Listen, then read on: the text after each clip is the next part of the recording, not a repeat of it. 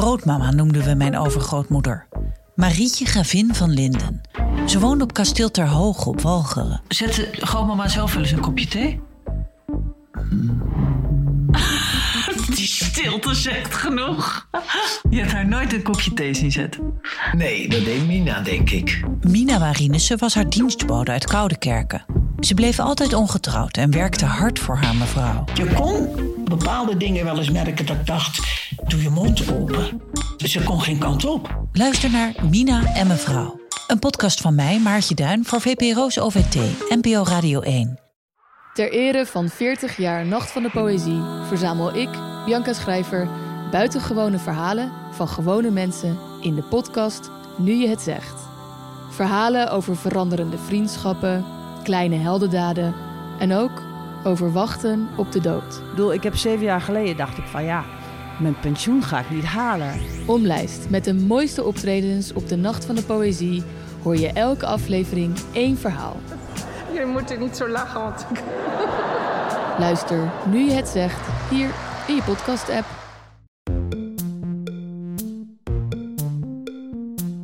Hallo daar, fijn dat je luistert naar Boeken FM. Heb je een vraag voor ons? Stuur dan een mail naar boekenfm.dasmag.nl. En we zijn ook te vinden op Instagram, boekenfm. Wil je nou nooit meer een aflevering van ons missen? Abonneer je dan nu in je eigen podcast-app. En geef ons ook vooral een heleboel sterren en recensies. Dan zijn we ook zichtbaarder voor anderen die ons misschien willen luisteren. Maar het grappige is bijvoorbeeld in dat boek wat ik net noemde, dat eh, eh, aan het einde van de wereld, Hardball daar gaat hij ook de hoofdpersoon de hele tijd naar de bibliotheek en gewoon Ja. dingen zitten lezen. Dus Murakami is wel echt niet beschroomd om dingen eh, uit zijn boeken eindeloos terug te laten komen. Maar dat doen de meeste schrijvers toch? Joost, je recycelt en recycelt tot je uiteindelijk die prijs Ja, maar bij hebt. hem is het. Zo. Hallo allemaal en welkom bij Boeken FM, de literaire podcast van Weekblad de Groene Amsterdammer en uitgeverij Das Mag. We zitten weer eindelijk na een hele lange saaie zomer waarin we niet mochten werken in de studio van Dag en Nacht Media. Met mijn favoriete collega's Merel Borst, Ellen Dekwiet en Joost de Vries. Welkom. Hallo. Je bedoelt met Tollens prijswinnaar Ellen Oh. Dekwiet. Met inderdaad meervoudig gelauwerde Meervoudig gelauwerd. oeuvreprijzen, binnenslepende poëzie. Ze zit hier met louter lauwerkransen op haar Ja, op ze haar heeft ook verder niks aan. Nee, nee, nee. Ja, twee oeuvreprijzen op mijn veertigste en ik wil dood. Dus ja. Ze zijn net op tijd geweest. Perfect. Perfecte Ja. timing. Ja, toch? Het is, maar, eh, het is nog maar de vraag of we in aanwezigheid van zijn grootheid eh, over literatuur durven te praten. Het is heel intimiderend. Ja, ik weet het, jongens. Ik ben jullie kunstpaus. Maar we gaan het toch We proberen. gaan het toch Top. proberen. En we hebben een bijzondere aflevering. We hebben namelijk aan jullie gevraagd wat jullie graag zouden willen dat wij, dat wij gaan bespreken. Nou, het was voor ons niet bij te houden hoeveel reacties we hebben gekregen. Heel veel reacties. Eh, we hebben een tweede Merel moeten inhuren om alle brieven handmatig te beantwoorden. Mees. Eh, Ja. ja, het- eh, helaas hebben we haar ook weer moeten ontslaan nadat het, eh, nadat het Ja, Merel was. dulde toch niet dat er Ze nog kreeg meer een Merels zeldzame waren. ziekte van het likken van de postzegels. Nee, grapje. Eh, maar we hebben wel heel veel reacties van jullie gekregen. En er kwam een overweldigend antwoord uit. Een eenduidig antwoord. Ja, er was een top 3 op een gegeven moment, toch? Wat was ook weer de top 3? Daar konden mensen uit, uit stemmen. Ja, we hadden een top 4 gegeven. Een top 4. En dat Eh, waren... Madame Bovary Oh ja. van Oh ja. Flaubert. Eh, het achtste Flaubert. leven van Nino van Flaubert. Het achtste leven van Ni- Nino Haratishvili. Flaubert, ook al is die Frans. Flaubert, waar was je nou zo lang? Je bent zo flauwe Flaubert. Dat Oh. maakt me soms zo bang. Dit wordt een lange aflevering.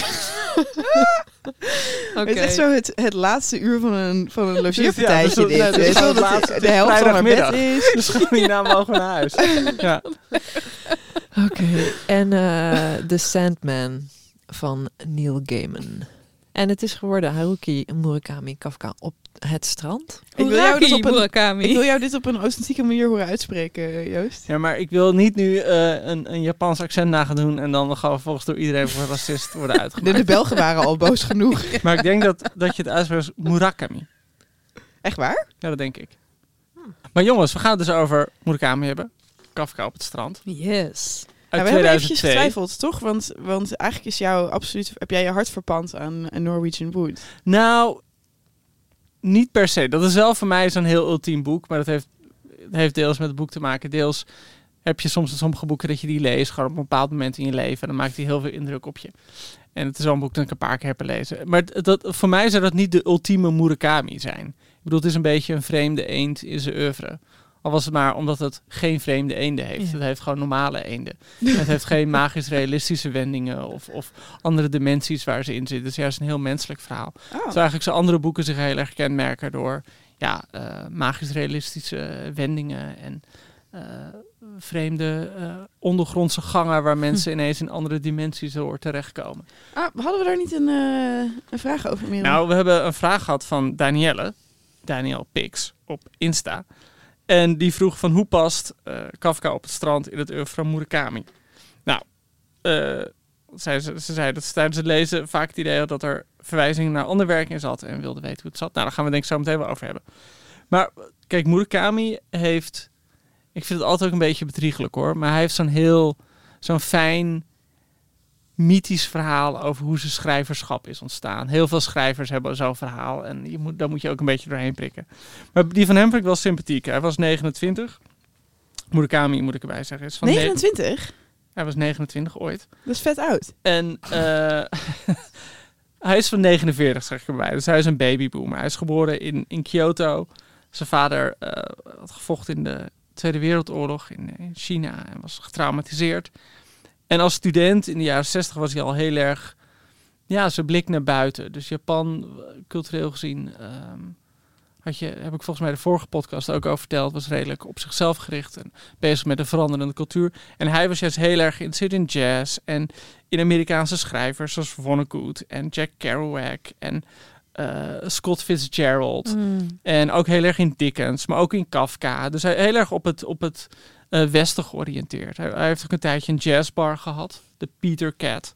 Hm. Ehm, maar goed, in ieder geval, eh, hij was 29 en hij zat op de tribune bij een honkbalwedstrijd. Honkbal was na, eh, hè, na de oorlog, werd Japan heel lang overheerst, of bezet eigenlijk moet je bijna zeggen, door de Verenigde Staten. En toen is honkbal heel populair geworden, zoals heel veel andere Amerikaanse dingen toen ook populair werden.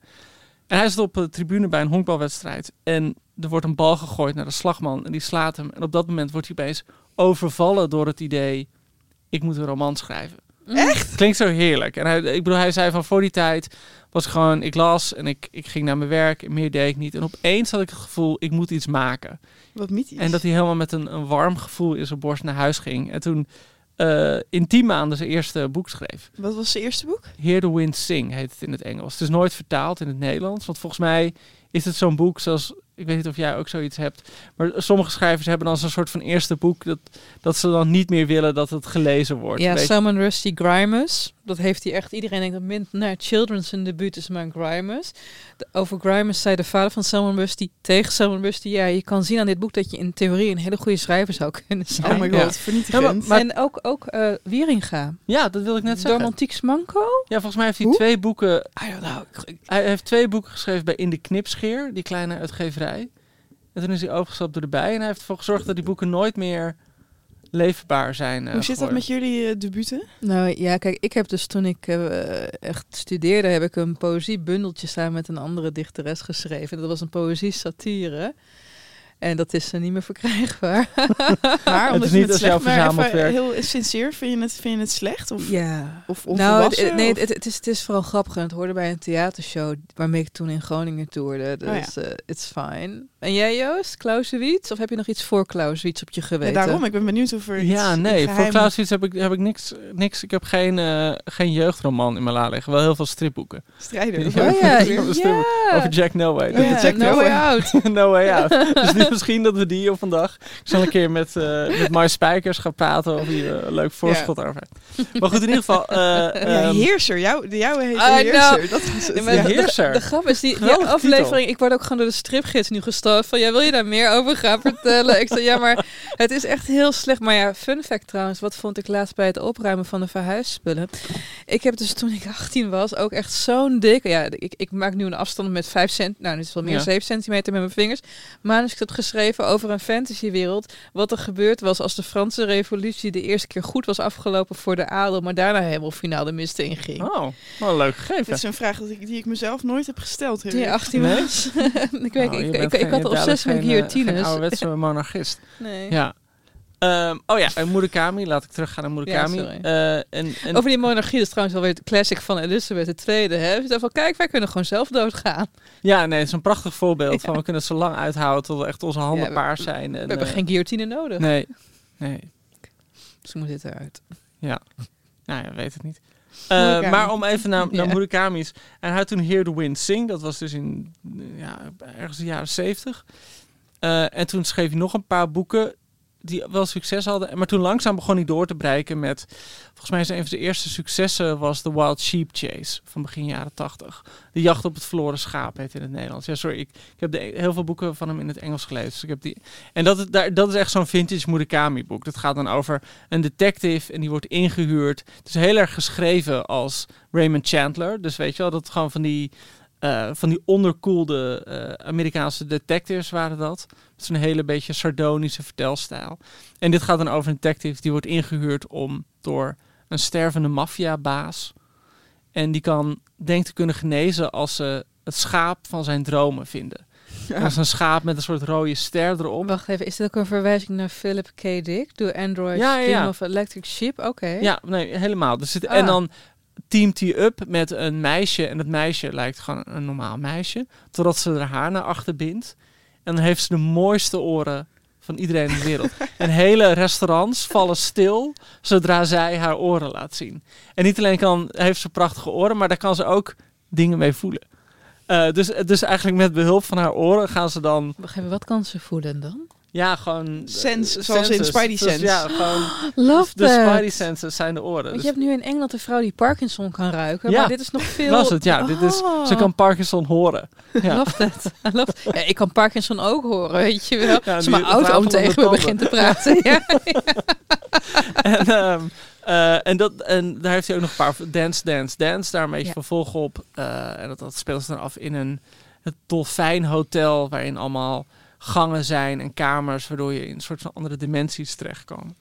En, en begin jaren tachtig eh, kwam je eigenlijk gek genoeg met een paar boeken... die echt de uiterste van, van zijn schrijverschap waren. Aan de ene kant heb je bijvoorbeeld Hardboiled Wonderland. En het einde van de wereld. Een soort van dubbelvertelling. Dat is echt, dat is denk ik Murakami op zijn meest abstract.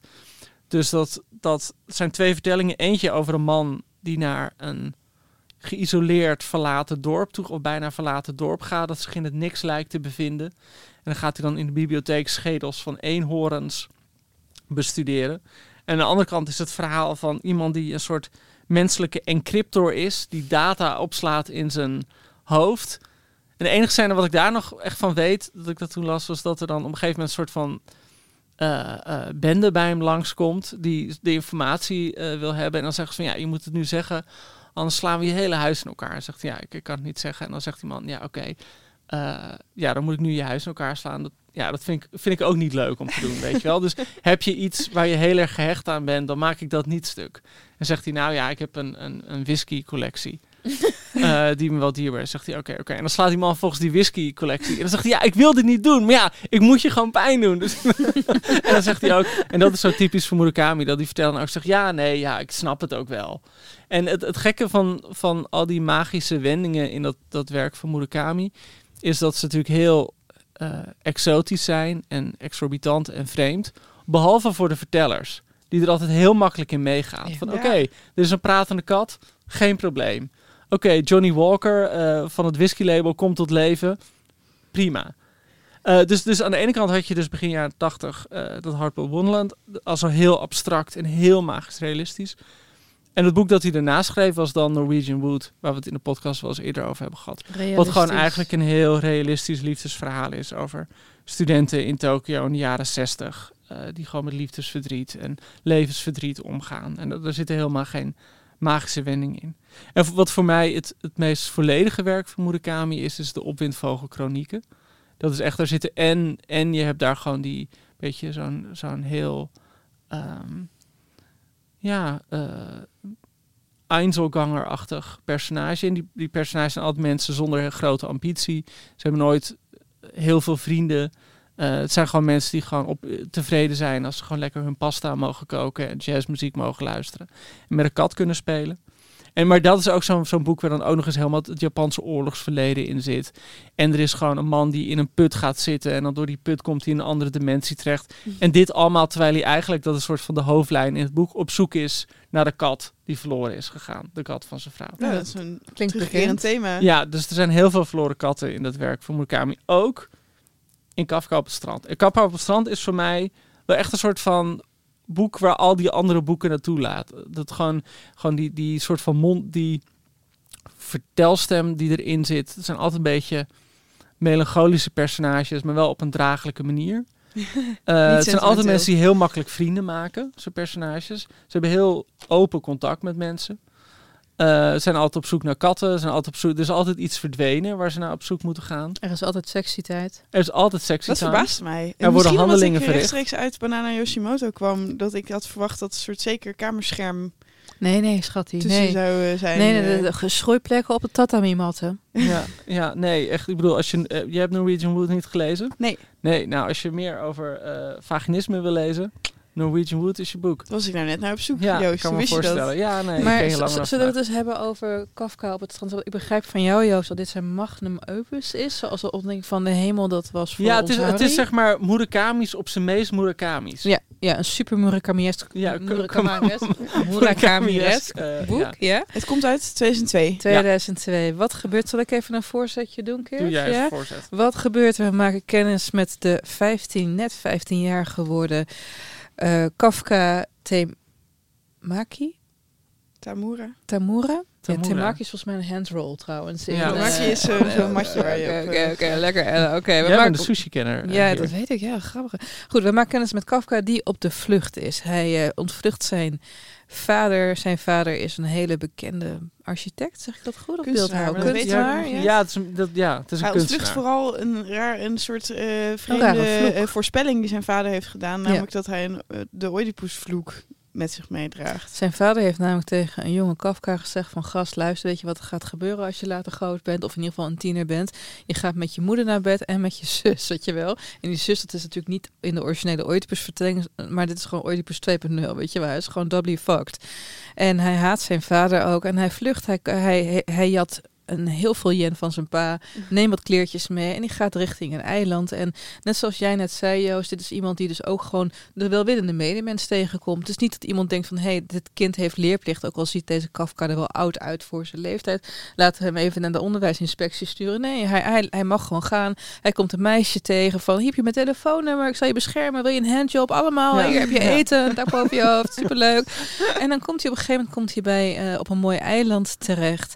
En op het eiland is een eeuwen of een nou, eeuw, eeuwoude bibliotheek. Volgens mij echt met een hele mooie collectie. En dan gaat hij elke dag lezen. En dan zegt iemand van, hé, hey, je bent vet.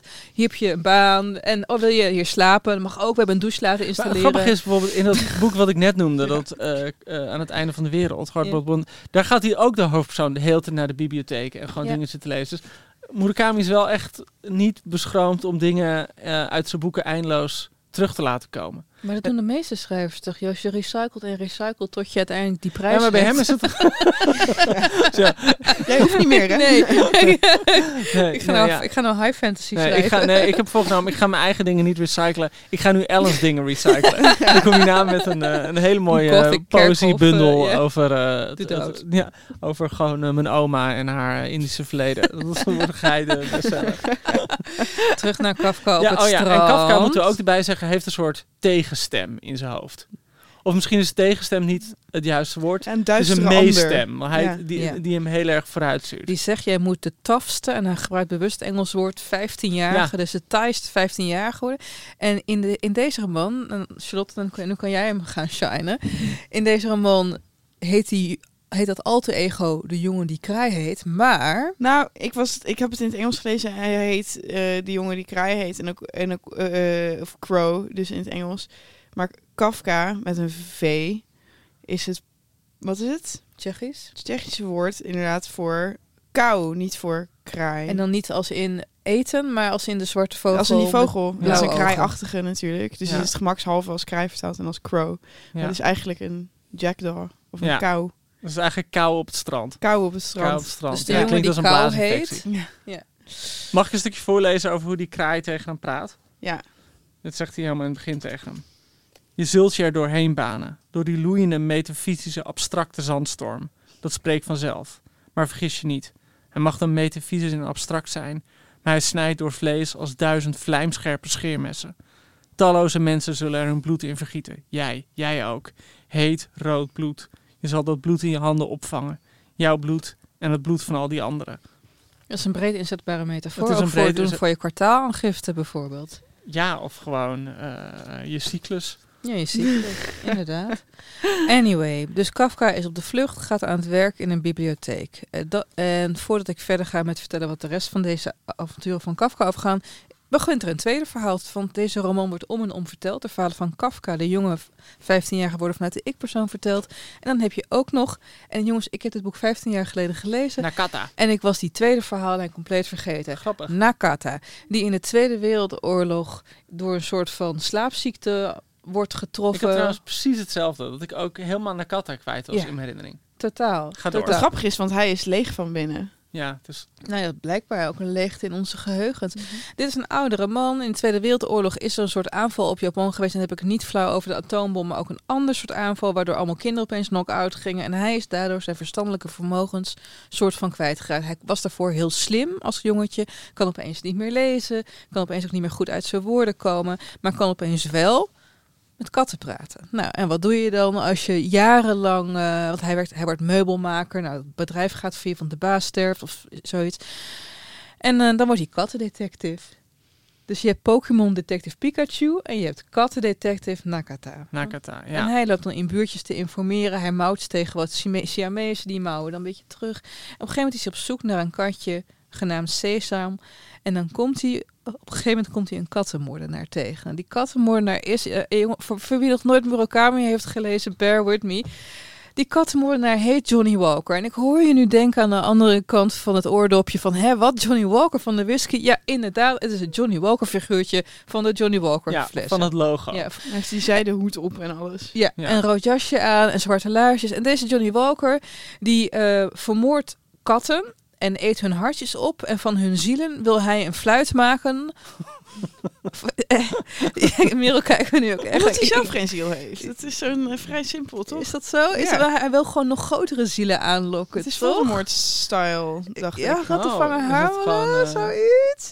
Maar goed, anyway. En op een gegeven moment blijkt dus dat deze Johnny Walker een van de katjes in zijn bezit heeft die deze Nakata moet opspeuren. Nou, terug naar het verhaal van Kafka, van de jonge, van, van de jonge Kafka.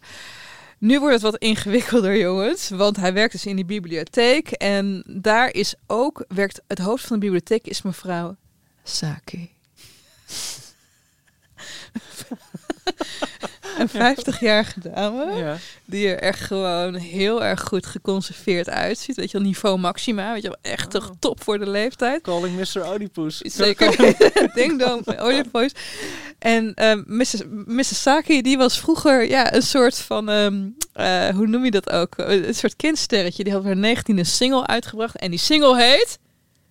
Kafka on the Shore. Yay! Oh. Een soort Alanis Morissette. Ja, een soort Alanis Morissette, inderdaad. Hand in her pocket, hoppakee. en deze, deze Alanis Morissette, oftewel mevrouw Saki, die eh, heeft dat nummer geschreven. Ze heeft conservatorium gedaan toen haar geliefde eh, stierf. Toen zij 19 was en hij 20, als ik me niet vergis. En daarna is ze in de vergetelheid geraakt. En door het verhaal schemert het idee heen dat zij misschien wel de moeder kan zijn van Kafka. Want dat moeten we ook nog eh, weten. Kijk, met die voorspelling dat Kafka met zijn moeder en zus naar bed zou gaan. Dat zij denken, nou ja, ik weet wie mijn moeder en zus zijn, weet je wel. Ik doe er een kuisheidsgordel om, ik kan er nooit mee naar bed. Maar die moeder en zus zijn toen Kafka klein was uit het gezin gevlucht en daardoor spoorloos verdwenen. Dus dat is het verneukeratievere. Iedereen kan je moeder zijn. Iedereen kan je zus zijn. En het verdrietige voor Kafka is dat hij heteroseksueel is. Ja, het helpt hem niet dat hij zich voor de hele tijd laat aftrekken door iedereen. Nee, nee, nee. Het nee. ook gewoon laten, lijkt mij. Ja. Ja, Voor de als, het zekerheid. wordt, als het je wordt aangeboden. Eh, maar dat is natuurlijk ook helemaal de Oedipus moeten. Dat Oedipus ging ook op de vlucht voor de voorspelling. Ja. Want hij dacht dat hij wel wist wie zijn ouders waren. En toen vluchtte hij. En toen kwam hij dus bij zijn echte ouders terecht. Maar goed, deze mevrouw Saki, hij begint te vermoeden dat het best wel zijn moeder kan zijn. En s'avonds, als hij in zijn kamertje, wat hij dus nu, het onderdak dat hij heeft gekregen in de bibliotheek, is ook elke avond een geestverschijning van een 15-jarige mevrouw Saki. Nou ja, daar krijgt een 15-jarige Kafka natuurlijk een... Meer heb je ehm, niet nodig. nee, dat, eh, dat vindt hij heel interessant en leuk. En lang verhaal kort, op een gegeven moment heeft hij sexy tijd met mevrouw Saki. Die mevrouw Saki die gaat dood. Hij zal nooit weten of zijn moeder is geweest. Meanwhile is die Nakata, die vermoordt Johnny Walker, eh, ontdekt dat er een lek is in deze dimensie die andere dimensies met elkaar verbindt. En dat hij een zogenaamde sluitsteen moet vinden om die lek tussen de dimensies. Correct me if I'm wrong Ja, hoor. nee, nee, het gaat heel goed. Ja, oké, ik ga lekker toch, weet Ja. je wel. Eh, om, die, om die dimensies te stoppen. En dan ontmoet hij een vrachtwagenchauffeur, Hoshini, als ik dat goed zeg. En Hoshino. die, Hoshino die vindt dat Nakata op zijn opa leidt zich naar de top. Ik doe alles voor jou. Hier heb je eten en drinken en een handjob. Nou, samen gaan ze op zoek naar die sluitsteen. Long story short, het lukt hem om die sluitsteen op de goede plek. Of Hoshin, Hoshino sluit Nakata inmiddels ter kastje wijlen. En dan is er ook nog iets, jongens, ik ben het helemaal onder de verkeerde volgorde aan het vertellen, maar vlak voordat die sluit, die, die dimensies, die sluitsteen tussen die dimensies wordt geschoven, wordt Kafka wakker en zit hij onder het bloed. En 20.000 kilometer verderop blijkt zijn vader te zijn vermoord. Dus er wordt ook nog eens gesuggereerd dat mensen s'nachts in hun slaap door dimensies kunnen reizen en vaders en kunnen Ja. vermoorden en zo. En dat is weer een allusie naar het verhaal van Genji, Genji, waarin dus bepaalde spoken s'nachts van, van levende, woedende mensen kan hun geest straks uit, s'nachts uittreden om de mensen aan wie ze een scheidhekel hebben te beschadigen. Ja. Joost, Joost me echt aan. Nee, dit, nee, dit staat er nee, echt ik- in. nee, ik Je weet het helemaal heel niet- goed ja, nee, ik, weet, samenvatten. ik, ik, Ja? ik ben Maar het gaat, om, Ja. het gaat voor, eh, heel vaak in dit boek gaat het over de scheiding van geest en lichaam, Ook dat? toch? Ja. Ja. Ja. Dat er op een bepaalde manier, als er een, een, een, een moment is in je leven waarin een grote, groot breekpunt plaatsvindt, dan kan je lichaam van je geest gescheiden raken, of deels. Bijvoorbeeld een 15-jarige eh, eh, Saki, die eigenlijk uit het lichaam van Saki gesplitst raakt door dat grote verlies van haar vriend. Daardoor is ze zowel een geest als een levend Ja, iemand. ze verdwijnt in de tijd. Datzelfde is denk ik Nakata ook ongeveer ge- overkomen toen hij in dat coma raakte.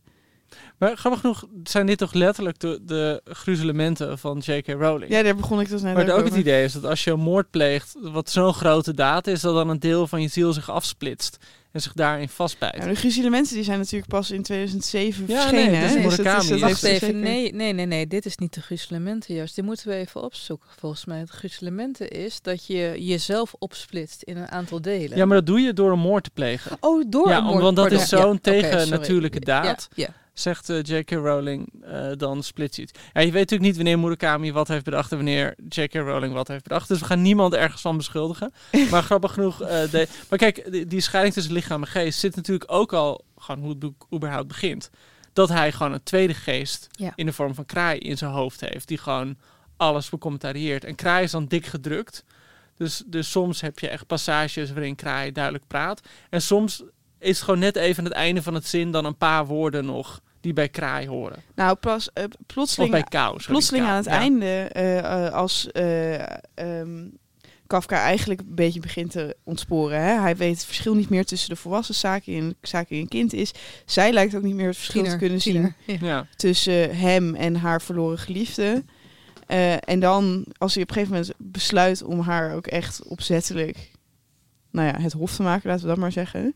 eh, dan lijkt hij volledig overgenomen te worden door de jongen die Kraai heet, toch? Dus dan plotseling verandert de vertelvorm ook. Ja. Dan gaat hij ineens in de tweede persoon spreken. En hij is dan de jongen die Kraai is.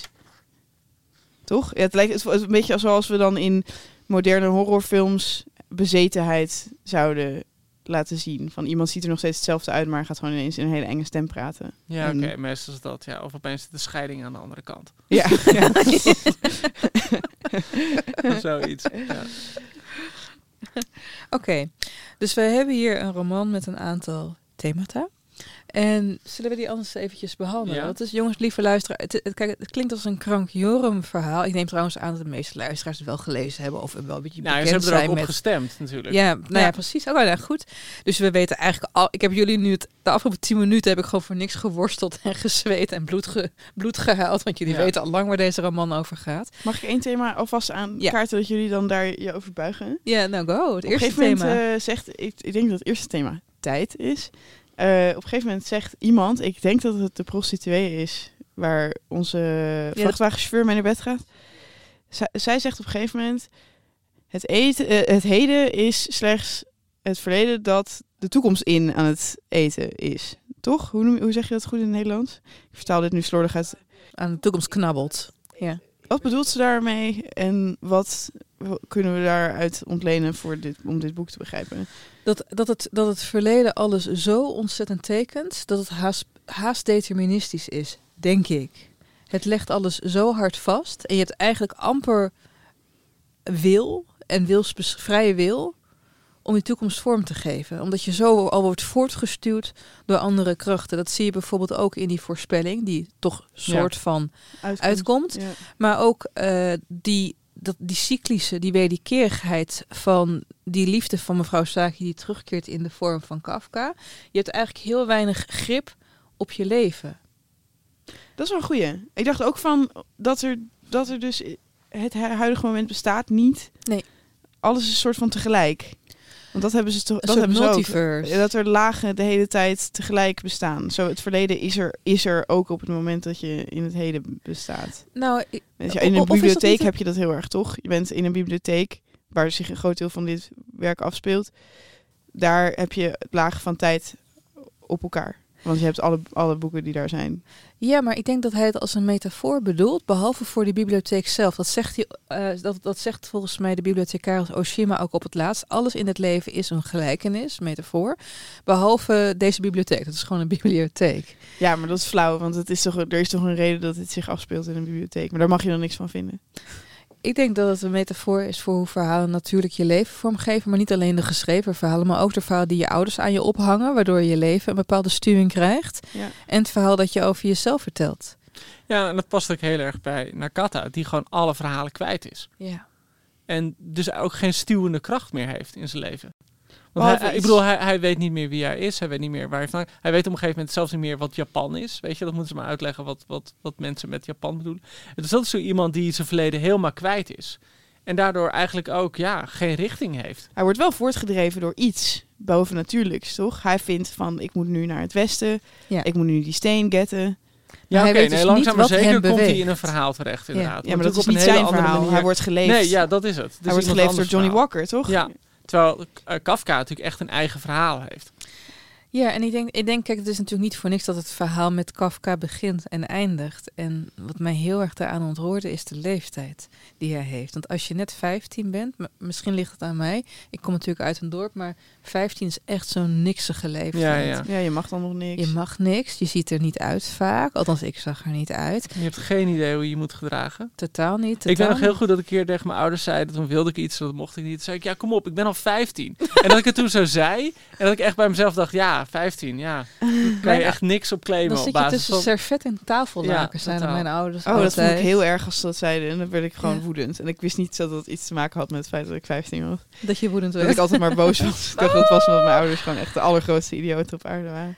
Ja, maar, maar deze Kafka heeft ook echt een existentiële crisis op zijn 15. Hij, weet, hij wil niet meer verder met school. Het enige wat hij weet is dat hij zijn lichaam in topconditie wil houden. Dat hij zijn zelfredzaamheid wil, eh, wil bewaken. En dat hij alles om aan het z- zogenaamde noodlot van hem te ontkomen. En wat hij eigenlijk doet om, om, om daar aan te ontkomen is zichzelf zowel in ruimte te verwijderen van de wereld, maar ook in verhalen. Want hij duikt in verhalen van het verleden. Hij gaat alle klassieke romans lezen, Ja. haast als een soort van reddingsboeien van betekenis. Van ja, ik, ik weet niet wat ik met mijn leven moet. Oké, maar is het dan niet uiteindelijk ook gewoon zo dat het leven, hoezeer deze mensen ook op zoek zijn naar betekenis, uitsluitend wordt voortgedreven door wat het, wat is het pendulum dat de wereld eh, eh, schommelende houdt. Ik weet niet hoe, hoe je dit moet vertalen. De pendulum that swings the world. Dat is wat. Noodlot, bedoel je dat? waar het schilderijtje van Kafka op de kust, hè? Ja. Mhm. of aan het strand. Hij kijkt dan naar The Pendulum That Swings the World. Wat, wat was dat? Dat is dan de, voor, de eeuwig voortstuwende tijd, Dat toch? je geen grip hebt. Ja. Volgens, mij, volgens mij is die machteloosheid een, een van de kernthema's van het boek. En dat, is, dat vind ik dus de grotere ironie van die Oedipus-mythe. Dat je eh, op de vlucht gaat voor je lot. Ja. En daardoor bij je lot terechtkomt. Ja, Eh, dus, dus hij wil eh, niet bij zijn ouders terechtkomen. Hij wil niet, ik bedoel, Oedipus dan wil niet met zijn moeder bed, wil zijn vader niet vermoorden. Hij gaat op de vlucht. Want van wie die denkt dat ze oud zijn, komt een man tegen, krijgt ruzie mee, slaat hem dood. Blijkt zijn vader te zijn. Gaat later met een hele mooie vrouw, eh, de koning, eh, koningin van Thebe trouwen. Jocasta, blijkt zijn moeder te zijn. dus ik bedoel, juist in die poging niet te worden wat hij, wat hij moet worden, wordt hij het. Eh, dus, dus inderdaad die nood. En uh, grappig jij zei het ook al, die zelfredzaamheid die erin zit, die daar een soort haaks op staat. Ja, maakbaarheid. ja. Er zit in heel veel boeken van, van Murakami. Hè. Het zijn altijd van die mensen die autarkisch willen kunnen bestaan. Zelf een eten maken, zelfs een, eten, hun ingrediënten koken. Altijd sporten, altijd bezig zijn in hun eentje de wereld aan te kunnen. En dan in al die boeken is dat niet vol te houden. Die wereld dringt zich altijd op. maar is het dan beter eh, als we dit dan weten? Oké, je bent vervloekt. Als je eenmaal je lot weet, dan ben je vervloekt om het te leven. Is het dan beter om Kafka te zijn, die eigenlijk vol zit met die kennis van zijn eigen toekomst? Of om Nakata te zijn, die helemaal nergens aan verbonden is, omdat zijn hoofd leeg is? Het is, nou ja, ik zou een voorkeur hebben. Welke dan? Nou, ik zou niet kunnen leven met gewoon het idee dat je leeg bent.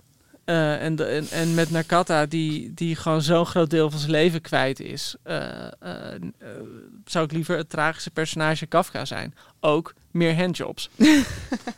Dat, dat telt uiteindelijk ook op. Dus, dus voor mij zou het Kafka zijn, denk ik. Ja, ik weet het niet. Hoewel je Nakata wel zou kunnen een- zeggen dat Nakata misschien gelukkiger is. Ja, een hij heeft toch hele- een simpeler bestaan. Ja, maar dat, is, dat klinkt dan weer heel denigrerend of zo van, oh kijk hem nou gelukkig Oh zijn. ja, de simpele ziel. Maar hij heeft, hij, hij heeft in principe iets vreselijks meegemaakt. En zijn familie heeft hem verstoten. En dat is iets wat hem geen pijn kan doen, omdat hij niet de hele tijd bezig is met causaliteit. Dingen gebeuren gewoon. En hij accepteert ze zoals ze zijn. Dat zei je eigenlijk al helemaal aan het begin. Dat personages in, in Murakami dat wel vaker hebben, toch? Dingen zijn fucking weird. En maar zij reageren er niet op die manier op. Hij is daar dan een soort ultiem voorbeeld van. Omdat hij, als er iets gebeurt, dan vraagt hij zich gewoon niet af waarom dat is gebeurd. Het stelt hem er wel toe in staat om gewoon nooit te tobben over dingen. Terwijl Kafka de hele tijd wakker ligt van dingen. Dus ja, ik weet wel wat ik zou willen. Namelijk. Ja, paling eten en eh, katten eh, meubels maken en met katten chillen. Ja. En niet de hele tijd nadenken over wie ben ik en, en hoe zou ik moeten leven. Ja, dat ben ik met je eens. Ik zou ook een katta willen zijn. Ja. Sorry, jammer van de handjobs, maar goed. Nee, hij, hij, heeft ook geen geen, hij kent ook geen lust. Hij hoeft Nee, geen handjobs. nee, ja, ja, ja. Dat wordt ook nog duidelijk gemaakt. Ja. Hij heeft geen seks en hij hoeft geen seks. Maar we hebben dus nu eigenlijk de tijd als thema.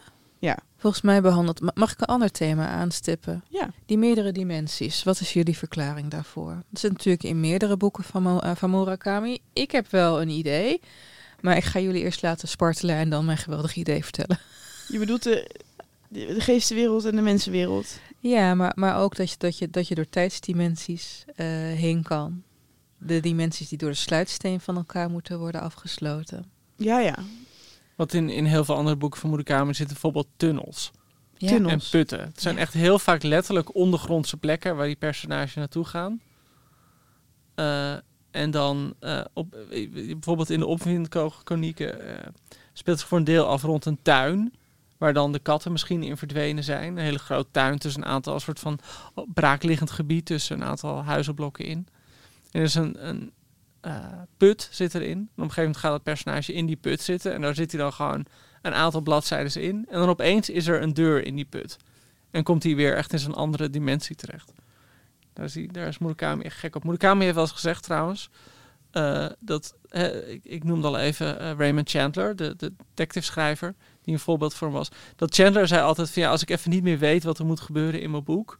laat ik een man met, of een vrouw met een pistool de kamer binnenkomen. Oh ja. En Murakami zei van ja, als ik het even niet meer weet, dan laat ik een pratende kat de kamer binnenkomen. Of laat ik gewoon een deur naar een andere dimensie opengaan. Maar wat betekent dat Ja, dat, ja, dat is dat een- denk ik, je hebt daar dus wel een theorie over. Ja, ik, ik kijk, eh, daar hadden we het ook in onze Banana Yoshimoto podcast over. Hè? Op een gegeven moment is Japan qua cultuur en identiteit gespleten geraakt. Hè? Westerse waarden, Oosterse, nee, westerse technieken, Oosterse waarden. En die Amerikaanse hegemonie die ze een tijd hebben gehad. Kijk, Japan is natuurlijk tot ver in de 19e eeuw totaal afgesloten geweest van de rest van de wereld. Hè? Dat was echt een soort Amish community en zo. Het was echt het bestendige van de eeuwenoude cultuur die er al zat. En opeens kwamen er andere denkbeelden, andere filosofieën, andere culturen naar binnen in Japan. En dat is een shock geweest, denk ik voor, voor een goed deel van de Japanse bevolking. En ik vind dat dat echt zijn weerslag heeft in het werk van Murakami door die andere dimensies. Want je, je ziet ook uh, bij Murakami zelf, die een heel groot zwak heeft voor Amerikaanse letteren en Amerikaanse cultuur. En tegelijkertijd ook, dat zie je ook in deze romanse klassieken, zijn Japanse klassieken, echt heel goed kennen. Het is, het is die culturele gespletenheid van mogelijke manieren waarop je een mens kan zijn, ah. waarop, waarop het soms heel lastig kiezen is, maar ook Um, je weet soms niet of iemand tegenover jou in dezelfde code zit, als jullie begrijpen wat ik bedoel. En dat, dat aan de ene kant. En aan de andere kant zit er nog iets veel wezenlijkers aan, aan die, die, aan die diverse uh, identiteiten. En dat is de onkenbaarheid van iemand anders. Oké, wacht, leg dat even uit. Alle mensen die elkaar tegenkomen helpen elkaar heel erg. En toch heeft iedereen een groot mysterie om zich heen. Dus die mevrouw Saki. Ja. Dat je denkt van, hoe heb jij dit liedje Kafka op het strand geschreven? Hoe ben je op die rare dingen gekomen? Waar ben jij, waar ben je naartoe verdwenen? Al die tijd. Er zijn heel veel mensen. Nakata werd ook bij bepaalde periodes niet waar en wanneer hij wat heeft gedaan en is geweest. En ik vind dat heel typerend aan die boeken van Murakami. Is de onkenbaarheid van de ander en de onkenbaarheid van jezelf. Grappig is, dat zit echt in heel veel boeken van hem heel duidelijk. Dat Norwegian Wood zit dat echt het meeste. Dat hij gewoon niet. Dat is een meisje waar hij duidelijk verliefd op is. En die heeft allerlei problemen. En hij kan er gewoon niet bij komen. Dat hele boek draait erom dat hij daar gewoon gek van wordt. Mm. Dat je niet in de geest van een ander kan kijken. Ja. En uh, uh, ja, die onkenbaarheid van elkaar. Daar zit er heel duidelijk in. Maar er zit er weinig frustratie over in in dit boek, toch? Ik heb juist het idee dat, uh, dat ze elkaar nogal vredig laten bestaan. Ook al zijn ze niet maar er maar half. Of, of zijn ze ergens anders uh, of zijn ze, hebben ze een mysterie of een geheim? Ja, nou ja er, is natuurlijk wel wat geweld in. Want die, die vriend van mevrouw Saki wordt door andere studenten door een misverstand in elkaar doodgeschopt en geslagen. Maar in dat de meest agressieve verschijningsvormen zijn dus ja, Johnny Walker en uh, medekatten, ja. toch? Um, nou, ik bedoel meer dat op een gegeven moment... Oké, er is één personage dat dan misschien nog het meeste stem van de lezer zou, zou zijn. En de, of de meest gewone personage. En dat is de vrachtwagenchauffeur. Die alles wel super weird vindt. Zoals je dat als lezer dan ook vindt. Hij gaat wel mee in die dingen. Maar hij is zelf echt een gewoon iemand. En hij komt op een gegeven moment het meest abstracte personage tegen. En dat is een soort godheid. Of, een, of hij noemt zichzelf een abstract concept. Maar die, in, die verschijnt op de aarde als Colonel Sanders, Colonel Sanders de mascotte van KFC. Ja. Uh, uh, en die ziet er gewoon zo uit als die man met die snor en die ja, witte man met een wit pak en, en uh, nou ja, om wel over die de westerse cultuur te hebben. Maar die, die verzet zich eigenlijk tegen de vragen van de vrachtwagenchauffeur. Die zegt van ja, maar wat ben je nou? Ben je dan een westerse god? Of ben je een Japanse god? Of ben je een, een, een spirit, zeg maar? Of, of ben je een mens? En dat hij zegt van ja, maar dat moet je gewoon even helemaal loslaten. Want ik ben, dan wel Colonel Sanders en ik ben ook een pooier, maar ik ben een abstractheid en je mag mij niet helemaal kennen. En daar loopt hij eigenlijk tegen een muur. Maar er worden ook een aantal opmerkingen gemaakt. Verschillende personages maken ook opmerkingen over metaforen. Dat ze echt precies zeggen van ik ben geen metafoor of dit is geen metafoor. Je moet niet overal een metafoor in zitten. En ik bedoel, daar, daar lijkt Murakami wel dan een spel te spelen met de lezer, omdat je zo geneigd bent er zitten zulke nadrukkelijke symbolen in. Dat je denkt van die symbolen hebben een betekenis. En hij zegt dan eigenlijk, je mag niet naar een betekenis zoeken. Ja, of je mag niet naar een gestandaardiseerde betekenis zoeken. Als je begrijpt wat ik bedoel. dus het is niet een, een, een, een oh, dimensie. Oh, wat? oh, ik hoor iets. Ik hoor een wat, wat is dat? Nou, het is mees. Het is meesborst. Nou, dat het leuk is dat je dat zegt. Want we hebben ook een vraag gekregen over een metafoor in het boek. Ja. En dit zou dan een mogelijk antwoord daarop kunnen zijn. Vraag van Pita. Die vroeg: um, Ik word nog steeds geplaagd door een groot mysterie, namelijk wat de inktvlek in de vorm van de wegvliegende vlinder betekent, een beetje aan het eind van het boek, als Kafka door het bos wandelt. Deze scène maakt een grote indruk op mij, maar ik weet na al die jaren nog steeds niet wat die inktvlek betekent. Misschien zoek ik er te veel achter, maar hopelijk kunnen jullie me verlossen van dit raadsel. Maar dit zou dan ook een mogelijk antwoord kunnen zijn. Nou, ik vind het vooral zo grappig dat dit specifieke mysterie na al die jaren nog haar thuistert. Want er zijn een heleboel dingen die onbeantwoord blijven in, in dit boek, toch? Op een gegeven moment gaan dingen zich gaan er, gaan er strikken om dingen heen. Hè? Bepaalde personages blijken met elkaar van elkaar familie te zijn. Ja, Van- sommige verhaallijnen lopen. en dan denk je, oh heerlijk, hij gaat het helemaal Rondbreien. Hij gaat het helemaal rondbreien. Hij gaat het helemaal inpakken. En dat is gewoon helemaal niet waar. En volgens mij moet je daar dan ook vrede mee. Maar ik denk hebben. dat dat ook de kracht van het boek is, dat niet al die dingen rond worden gemaakt. Dat, het mysterie in stand blijft. Het heeft Maar- mensen wel kwaad gemaakt hoor. Want ik zie op de Wikipedia-pagina van dit boek dat eh, Murakami zo aardig was om hier vragen over te beantwoorden. En dat hij toen 8000 vragen heeft gekregen. waarvan hij toen ook heel braaf Allemaal 12 over de inktvlek. 1200 heeft beantwoord. Maar heel veel van die antwoorden die nog te vinden zijn op zijn website. En ook niet bijna, bijna niks is vanuit het Japans naar het Engels weer vertaald. Maar heel veel van die antwoorden zijn zo van... Nou, ik weet niet zo goed wat ik hiermee bedoelde. Het is er gewoon. Ja, maar dat grappig, dat is het afpellen van standaard symboliek. Dat doet hij volgens mij heel sterk in zijn werk. En dat is ook weer het feit dat dit een hybride werk is met Oosterse en Westerse invloeden uit de literaire en culture, culturele traditie van Oost en West. En dan even nog om op die eh, vlinder terug te komen, hè, die inktvlek. Met inktvlek denk je aan psychoanalyse, denk je aan het Ja. interpreteren van een Rorschach-vlek natuurlijk. Ehm, ik weet niet of, kijk, ehm, ik weet dat hij heel veel, dat hij ook graphic novels heeft gelezen. Toen was Watchmen ook al dingen. Rorschach is een groot personage, in, in- een sleutelpersonage in Watchmen. Ja, Rorschach Maar- test, dat is dat je zo'n vlek ziet. En dat dan eh de zie je je ouders psychologist neuken. aan je vraagt van wat zie je hier? En, Ja, en dan zeg je ik zie hier mijn ouders zeg- neuken. ja, ja, In het ja, geval van Charlotte, je- maar die ziet dat overal in. Dat is wel waar, hè? Ja, dat is wel waar. Je hebt het er wel echt vaak over. Ja, ja, ja, ja. Arme moeder van je. Maar goed, ehm, kort, kort om even terug op die Rorschach. Het is het loslaten van gestandaardiseerde symbolen. En daar zit ook een soort, dat, dat vind ik ook ergens ontroerend. Want iets kan doodgaan doordat het een symbool is. Je hebt bij de Russisch formalisten, heb je volgens, volgens mij hadden zij het altijd over het weer stenig maken van de steen. Dat is wat literatuur moet doen. Met andere woorden, kijk, als ik nu het woord steen gebruik in een gedicht, dan denken mensen, oh, een edelsteen staat voor iets. Roos. Ja. ja, weet je wel, een, een Ja. roos staat voor liefde, een zwaan staat voor eh, trouw, weet ik veel wat. Maar het kan ook gewoon voor een zwaan staan. Maar heb jij dat vaak ook met jouw eigen poëzie? Dat mensen naar je toe komen, letterlijk met een gedicht van wat bedoel je met die en die zin? Nee, ze geven me alleen prijzen. Nou, schrijf Nee, nee, maar flauw, natuurlijk doen ze dat. Het, het, het, het leuke is, ik krijg heel veel middelbare scholieren op, in mijn DM's.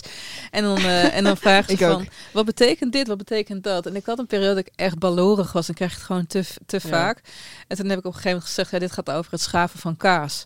En toen hebben ze negen voor die opdracht gekregen. Ja, ik heb, ik heb ook verrassend terug. vaak, en ik voel me er altijd wel heel erg vereerd hoor, dat je dan van, hoi, wij zijn die en die van 5 VWO en Ja. we maken een profielwerkstuk over eh, je boek dit en dit. Ja. En dan zo honderd vragen. Ik heb, ik heb ook wel echt studenten langs laten komen, of scholieren langs laten Oh komen. ja? Op de groene, waar ik dan uren mee praat. Want ja, Nou. zo vaak krijg je de kans niet over jezelf te praten. Ik had laatst iets Jij leuks. wel. Een vriendin van mij is docent Nederlands op het Zorgvliet Gymnasium. Hè? En eh, hallo Annelies de Boer, mevrouw de Boer. En zij had, zij had twee leerlingen die iets over mijn dichtbundel hadden gedaan. En toen hadden ze een soort discussie gekregen over hoe ik wel of niet iets bedoeld had. Toen heeft ze mij gewoon gebeld. Dus string de telefoon gaat, weet je wel, ik lig met een cavia te chillen op de bank. Ze oh wat leuk, Annelies belt, we gaan wat leuks doen. Zij zo, hi Ellen, hier zijn een paar leerlingen die wat willen weten. Dus ik werd opeens op de speakerphone gezet. En dit is iemand met wie ik heb gestudeerd. Dus ik had echt gewoon het heel erg kunnen verpesten voor haar. Want ik Ah, weet, ik ja. shit. Hey, beste luisteraar, mochten jullie nu Ja, denken sorry. van... ik wil een keer die prijswinnende gedichten van Ellen Dekwits lezen.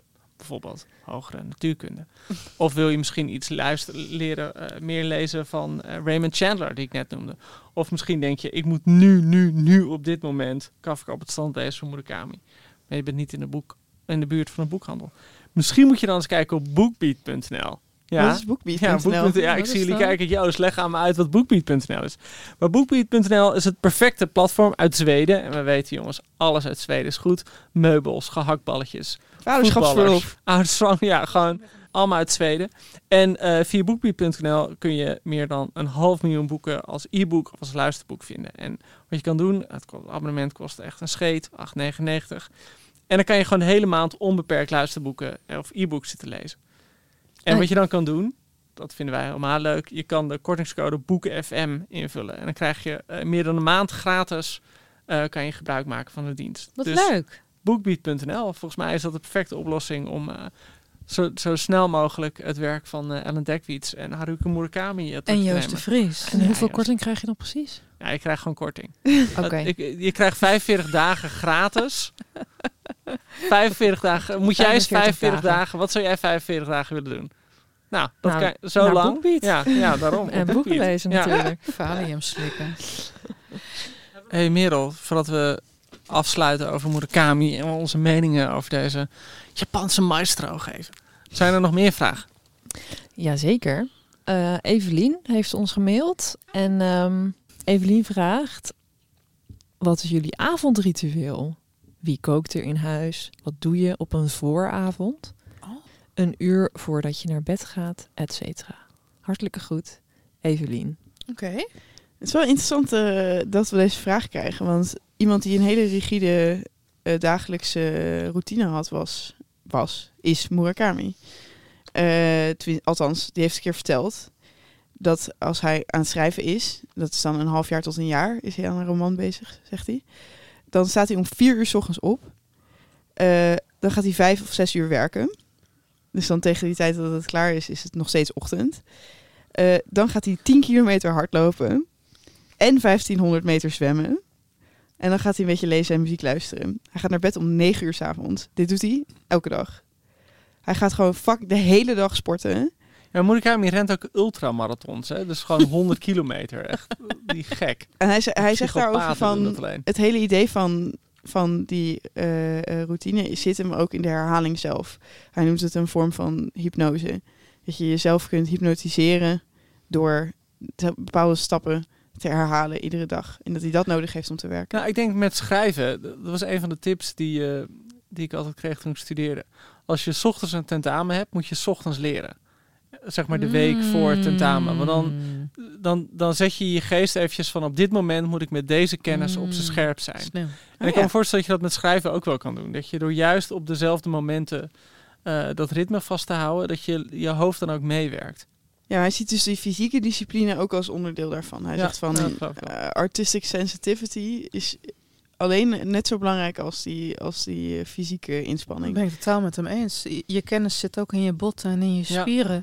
Ik heb de beste ideeën soms als ik op de roeimachine zit in Ja, de nee, sportschool. dat hoor je geen wonder maar dat wat ik is, geen maar wat is jouw avondritueel, eh, Charlotte? Mijn avondritueel. Ja, want je stopt Ja, nu achter Murakami. ik maar, heb, ja, eh, dat, dat is wel vooral omdat ik niet echt ritueel, mijn avondritueel heb. Ik heb de afgelopen dagen eigenlijk voor het eerst in tijden weer een vast ritueel. En dat hield in dat ik onder het lek in mijn dak een ovenschaal neerzet. Zodat het niet overstroomt in mijn kamer. Wat? Oh. Ja, klinkt dat heel triest? Ja. Ik vind het je- wel heel huiselijk of zo. Alsof je een pand hebt gekraakt, klinkt dit. Nee, ik heb geen pand gekraakt. Maar ik, het, is wel een lek, het heeft wel een lekdak. Eh, nee, ik heb niet echt een avondroutine. maar ik ben ook steeds aan het verhuizen. En ik ben steeds niet, niet, niet in mijn eigen huis. Dus ik, zit eh, een andere levensfase ook. ik zit een beetje in een andere levensfase misschien. Ik denk mijn, mijn hele eh, avondroutine is dat ik 's ochtends een extra onderbroek in mijn tas stop. Hm. En jullie dan? Ja, dat is een hele gekke, ambiguë opmerking om mee af te sluiten. Maar gewoon, eh, oké. Eh, heb jij een avondroutine? Ja, het ligt eraan met wie ik ben. Want kijk, ik heb natuurlijk avond dat ik gewoon met eh, de Friends ben. Maar als ik, eh, als ik alleen ben, dan... Ja, weet je, ik ben, ik ben eigenlijk aan het lezen, aan het mediteren. En eh, een uur voor ik naar, naar bed ga, gaan de schermen al uit, weet je wel. Oh, dat is wel een goeie. Ja. En eh, meestal doe ik dan nog een meditatie. En eh, dan ga ik de cavia's verzorgen. Want kijk, ik heb best wel oude cavia's. Dus die moeten allemaal medicatie. De vellen hangen erbij. Dus Ja. de een heeft antibiotica, de ander pijnstilling. En de derde heeft weer kalk in zijn blaas. Dus ik ben echt gewoon daar uur mee bezig. Slapen ze tegelijk met jou? Nou, cavia slaapt maar vier uur per dag. Verdeeld over het etmaal. Dus, eh, Oh. Dat is weinig. Ja, Wat doen ze dan de rest van de tijd? Ja, gewoon schattig zijn. een beetje knorren. Ze hebben een hele grote kooi. Behalve woonkamer is ongeveer cavia kooi. Dus dan lopen ze daar een beetje doorheen te stuiteren. En wat ik ook veel s'avonds doe nog, is bellen. Oh ja? Je Ja. sluit de dag echt af met gesprekken. Soms wel, maar ja, maar, eh, meestal twee uur van tevoren. Het laatste uur is wel echt voor verstilling, anders kan ik niet slapen. Maar bellen, dus met, met familie, met vrienden. Ik plan ook echt belafspraken in. Ik heb vanavond om negen uur met, met eh, Brechtje Hofstede. Die, zit, die woont nu in Frankrijk. Gaan we een uurtje bellen, dus ja. Wat leuk. Ja. Wat een goeie. Die ga ik er zelf ook in Het bellen? fietsen. Ja. Ja, beldates. En jij? Ja, ik ben dus wel actief bezig om eh, meer regelmaat in te bouwen. Eh, dus wat ik bijvoorbeeld nu heel erg mee bezig ben, is niet meer na zeven uur eten. Dus dat je, want anders heb je heel vaak dat je pas om half negen gaat koken of zo. En dan, eh, dus ik vind het wel lekker om dat een beetje vast te zetten. Maar is het omdat je aan het intermittent vasten bent? Nee, nee, maar meer gewoon met het idee dat het. Als, je, als ik pas om half negen eet, dan weet je wel, dan heb je geen avond meer. Want dan ben je gewoon aan het verteren. En terwijl ik merk als ik om zeven uur eet, dan ben je om acht uur uitgegeten of zo. En dan ga je nog iets doen. En wat ik de laatste tijd wel vaak doe, en dat vind ik heel fijn, is nog een wandelingetje maken. Dus dan gewoon Ja. om half elf of zo nog een Ja. wandelingetje door de buurt. Vaak ook deels gedreven dat ik gewoon mijn stappenteller moet halen. En ik gewoon, eh, gewoon dat, dat, dat volledige blauwe cirkeltje wil krijgen. Jij Eh, maar het is ook. heel ontspannen om, om gewoon nog even zo'n wandelingetje te maken. Al is het maar gewoon eventjes 2000 stappen. Eh, ik, heb een, ik heb een paar van die verschillende routes nu die ik zo heel lekker kan lopen. En dat is wel iets waarmee je heel ontspannen eh, een kleine lichaamsbeweging nog eh, ja, richting bedtijd gaat. Dat doe je alleen. Ja, soms. ga- Nee, mijn vriendin gaat ook wel vaak mee. Maar ik, doe- anders doe ik hem ook in mijn eentje eigenlijk. Dat is ook wel een hele goeie. Ja. Dit zou je ook met het bellen kunnen combineren. Dat doe ik ook. Merel? Merel? Merel? Oh, ehm, ja, ik zit best wel op één lijn met Ellen, denk ik. Love that. Ehm, ik kook en dan eet ik. Dan drink ik altijd thee. Ehm, en om negen uur, max half tien of zo, gaan de schermen uit. Ja. Ga ik lezen. eh, of tekenen of zo, zoiets. En dan ga ik om vaak om tien uur al naar mijn slaapkamer. En dan ga ik alvast in bed liggen en nog meer lezen. En dan eh, om half elf ga ik altijd mediteren. En dan ga ik slapen. Lekker. En eigenlijk is het eh, bijna altijd hetzelfde. Maar dat is heel goed, toch? Zo'n systeem. En hoe laat sta je 's ochtends op dan? Ja, zeven uur, Ja. eh, acht uur.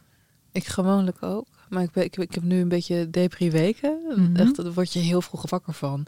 Ja. Het, het doet ook iets met je serotonine syncretie. Dus om vijf uur dat je denkt, oh nee. Ja, ja. Ja, dat is wel erg vroeg. Ja, maar het is echt wel, ik merk ook echt dat mijn systeem dan zo om tien uur, dat ik dan zo een beetje moe word. dat het gewoon echt door die routine in mijn, sy- in mijn systeem zit. Maar hebben jullie dan nooit, dit is misschien heel stom te vragen, maar dat zit nog gewoon af moet en dat je allemaal dingen niet goed hebt gedaan die dag en dat je een enge brief van de belasting hebt gekregen en dat je dat dan nog Ja, natuurlijk. Ja, ja. s'avonds Dat moet doen. ja. Nee. Eh, of leven jullie met zoveel regelmaat dat dat soort... Nee, het, het, eh, je- je- het was- als, ik, als ik hem een voorzet mag doen. Ik leef een beetje volgens het, het, het swallow the frog principe van Mark Twain. Oh ja. Dus je moet eerst, ik- jij kent het al, Merel. Mhm. Het eerste taakje wat je doet, is het taakje waar je het meest tegenop ziet. Want Dan, heb, dan valt de rest van de dag alleen maar mee. Maar wat als je tegen... Als je gewoon Oh, duizend moeilijke dingen moet doen en je hebt nooit tijd ervoor en je dak lekt en het is nu Maak al 12 maak nachts. lijstjes, Charlotte? Hm? Maak jij lijstjes? Ja, maar die raak ik dan weer kwijt en het is allemaal gewoon Ik moet goed. wel zeggen dat lijstjes maken echt eh, enorm plezier. eh. Ik doe, doe het pas sinds een paar jaar eigenlijk. eh, dat het ook helemaal zo, dat je er helemaal zo hitsig van wordt. Van ja, yes, yes, ik ga wat afstrepen. ah. En dat je ook dingen erop gaat schrijven die ik dan wel. al gedaan heb. Maar dan kan ik ze Ja, dan ik nog een keer. Oh, ja, oeh. Het is echt Ja. zo, ja, word ik heel ga ik Wie heel zijn jullie? Ik heb echt nee. met Stepford Wives aan Ja, nee, chillen maar ben. echt. Maar st- zal ik je nog sterker vertellen? Als ik dus periodes heb zoals jij nu beschrijft, dat je heel veel kutdingen op een dag moet doen, maak ik ook lijstjes van dingen, leuke dingen die ik mezelf in de toekomst beloof te gaan doen. Oh ja, dat is ook wel leuk inderdaad. Verlanglijstjes noem ik zo. Ja, maar ik ken op een gegeven moment ken ik iemand en die was dan lijstjes aan het maken waar hij allemaal een lijstje van moet maken. Oh dat was gewoon echt madness. Was Oh, dat. meta. Wow. Ja, meta. dat was een meta-lijstje. Ik kreeg er toch een klein beetje harder van. Ja, maar het is wel in de categorie, kijk, dat, dat ik bedoel, ehm, we werden gevraagd naar ons avondritueel. En dit is een soort van avondritueel, maar dat heb, dat heb ik absoluut niet zeven dagen in de week. Dat Nee, is gewoon onmogelijk. Oké, nou dat vind ik wel geruststellend om te horen of zo. Ja. Want ik zou best eh, dat wel willen hebben, maar het leven haalt je in. is Misschien eh, moeten we het nu we het toch weer over het leven hebben, eh, terug naar uh, Murakami. Mur- Ja, want we hebben het nu, we zijn best wel analytisch erin gegaan en zo. Maar wat vinden wij er eigenlijk van? Dus Charlotte, om met jou te beginnen, want het is jouw eerste Murakami die je hebt gelezen, nietwaar? Het was mijn allereerste. Ehm, en ik dacht dat ik het moeilijk zou vinden omdat er zoveel eh, magisch realisme in zit. Of ik weet niet of dat dan officieel zo heet. Maar een soort sprookjes-element Ja. De, waar ik va- vaak niet zo het geduld voor heb. Ehm, maar dat stoorde me helemaal niet. Ik vond het echt super, super mooi. Ik moet wel zeggen, de momenten die ik het allermooist vond, die ik ook echt trager heb gelezen, zijn die eh, momenten waarop hij met heel veel aandacht eh, kleine handelingen beschrijft. Het schoonhouden van die bibliotheek, Oh, ja. het eten van een boterham, eh, het opvouwen van de was. En hoe een mens stil kan zijn met zichzelf. Eh, dat vond ik eigenlijk nog mooier dan, eh, dan al die sprookjes bij elkaar of zo. Ja, dat ben Maar ik dat, daar kan, dat kan hij gewoon ook schitterend beschrijven. En ik denk dat hij een grote eh, liefde voor stilte heeft, die hier ook in doorklinkt. Ja, daar ben ik met je eens. Ook de stukken waarin op een gegeven moment gaat onze Kafka even in de wilde bush, weet je wel, Walden naspelen in een boshut. Vond Ja. ik heel mooi beschreven. Ja, en hij kan dan Ja. echt geraakt worden door de sterren en de regen en het vuur en een simpele maaltijd. En het feit dat hij alleen is en dat hij zich veilig voelt. Eh, en dat, dat vond ik echt heel, heel schitterend. Dus daar was ik heel erg van onder de indruk. Ga ik zeker meer lezen van hem. Jij, Ellen? Nee, ik, ik heb hem dus 15 jaar geleden al gelezen. En wat, het, ik herinnerde me dus dat deel met Nakata, herinner ik me amper. Ik, ehm, ja, het raakte mij heel erg weer. Maar ook omdat er een soort van ja, existentieel probleem in zit. En ook, want die, die 15-jarige is heel erg op zoek naar zichzelf. En wat hij met zijn toekomst eh, aan moet. En ik zit, eh, nou ja, ik zelf ook een beetje in die fase momenteel, as you do. Dus dat raakte mij heel erg. Maar af en toe vond ik het wel een beetje jolig. Af en toe was het ook slordig vertaald. Er, op een gegeven moment staat er van, ja, ik, eh, ik liep tegen een prikkende he- heester aan. Ja, heesters prikken toch altijd mensen. Dat is gewoon pleonasme, weet je wel. Er zaten slordigheden in waar ik me toch best wel aan stoorde af en toe. En ehm, ik vond die stukken met Nakata en Hoshino vond ik soms ook echt te wijde hand. Gewoon te flauw. Oké, dat is wel interessant. Ja. Ja. Juist, Joost? Nou ja, het is moeilijk. Ik ben ooit gewoon bij toeval bij Murakami terechtgekomen. Eh, toen heb ik toen, het, bijna alles in het Engels gelezen, want eh, toen was het echt nog niet vertaald voor een groot deel. En dus voor mij is dat heel moeilijk om een Murakami-boek los te lezen van alle andere Murakami-boeken. Voor Mm. mij is het gewoon één groot boek. En ook, we hadden eerder die vraag van Daniel, van klopt het dat er verwijzingen zijn? Ja, want in principe is het gewoon één organisch geheel, dat werk lijkt het wel. En wat, wat ik er heel bijzonder aan vind, en waarom me toch ook wel... En ik heb nu echt al jaren eh, weinig meer van hem gelezen, maar wat me toch heel dierbaar is, is toch die vertelstem die erin zijn. Het zijn heel vaak personages die op zichzelf zijn, die melancholisch zijn, maar niet somber. En waardoor die boeken heel vaak een soort van gedragen verdriet hebben. Het zijn mensen die iets verloren ja. hebben, Ja. maar er wel mee omgaan. Eens. En op zichzelf zijn en in die eenzaamheid oké zijn. Geen cynisme. Dat het vind is geen fijn. cynisme. eh, ehm, dus die personages hebben een soort van... Ja, eh, ze zijn nooit cynisch. Ze zijn nooit gemeen. Ze lijken een hele nobele inborst te hebben op een bepaalde manier. Ze hebben zorg voor zichzelf en voor de kleine dingen om zich heen. En eh, ja, de, de open taal waarin hij dat opschrijft... voelen die personages eigenlijk altijd heel nabij. Ja. En eh, ja, dat, dat, is, dat is wel echt een. Dat, die, personages van Murakami zijn gewoon mensen die me heel dierbaar zijn geworden op een gekke manier. Ik bedoel, het is een beetje. eh, ik bedoel, meerdere heten ook gewoon Toru. Heel veel hebben dezelfde. Ze lijken heel erg op elkaar. Dus het voelt voor mij aan als soort van het Murakami-personage. Natuurlijk heb je wel verschillende varianten daarvan. Maar dat, dat personage. In sommige boeken, in, in Norwegian Wood, maar bijvoorbeeld ook ehm, de Opwindvogelchronieken en ook wel een aantal andere boeken, vind ik het echt troostrijk proza. Dat voelt echt als, eh, ja, alsof, het je, alsof het je troost brengt. Alsof Kom warme soep. Ja. Ja. En eh, dat, dat, dat maakt Murakami wel een hele bijzondere schrijver. En ik denk dat dat ook wel de reden is waarom hij voor heel veel mensen heel dierbaar is. Het is niet per se voor mij eh Colonel Sanders die tot leven komt, of Johnny Walker of een pratende kat. Het is meer hoe die personages van hem in de wereld staan. Mee eens. Je hebt echt heel mooi, heel mooi gezegd. Nou, fijn. Yes. Ik ben het er helemaal mee eens. Nou, Ook. Cijfer. Voor deze specifieke of het Ja. hele oeuvre dat ik niet gelezen heb? Nee, voor deze specifiek. Wat vond je van wat dat betreft? Ehm, ik vond het een 9. Ik vond het een 8. Nou, kijk, wa- wat ik gewoon zo bijzonder aan zo'n boek als dit vind. Jij vertelt het heel eh, eh, uitvoerig en mooi na, Ellen. Joost. En dat het allemaal bizar... eh, ik bedoel, als je gewoon opschrijft wat je vertelt... Ja. klinkt het allemaal te bizar voor woorden. Ja. En het is gewoon zo bijzonder dat je zo'n boek leest... en dat het dat dus niet aanvoelt. Ja. Maar je wil ook doorlezen. Ja, je wil ook knap. Je wil doorlezen. in, één ruk gewoon in die uitlezen. wereld. Ja. En, en, dus voor mij is het ook wel een 9. Oké, een 8,7 8,8. Ja, laten we het een 8,8 noemen. Wil jij er ook nog iets over zeggen, Merel?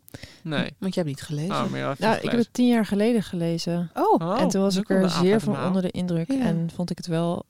Ik heb niet alles van Murakami gelezen, maar wel... eh, eigenlijk zijn Norwegian Wood en Kafka wel mijn favorieten. Maar al die details waar jullie het nu over hebben. Het gaat een half een beetje dagen, maar... En met die kattenmoordenaar en zo. Ja. Was je het ook vergeten? Eh, maar ik was ook wel veel vergeten. Dus het is ook wel iets om weer te herlezen. Nou, Nou, dat is geen straf.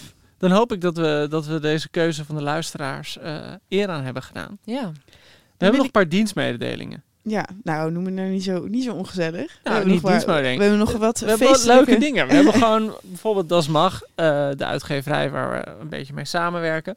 Een beetje Een beetje mee. Ja, ik probeer het casual te houden. Het is een Eh, gewoon, dienstverband. Don't put a ring on my finger. En die hebben een hele leuke reeks zijn ze begonnen.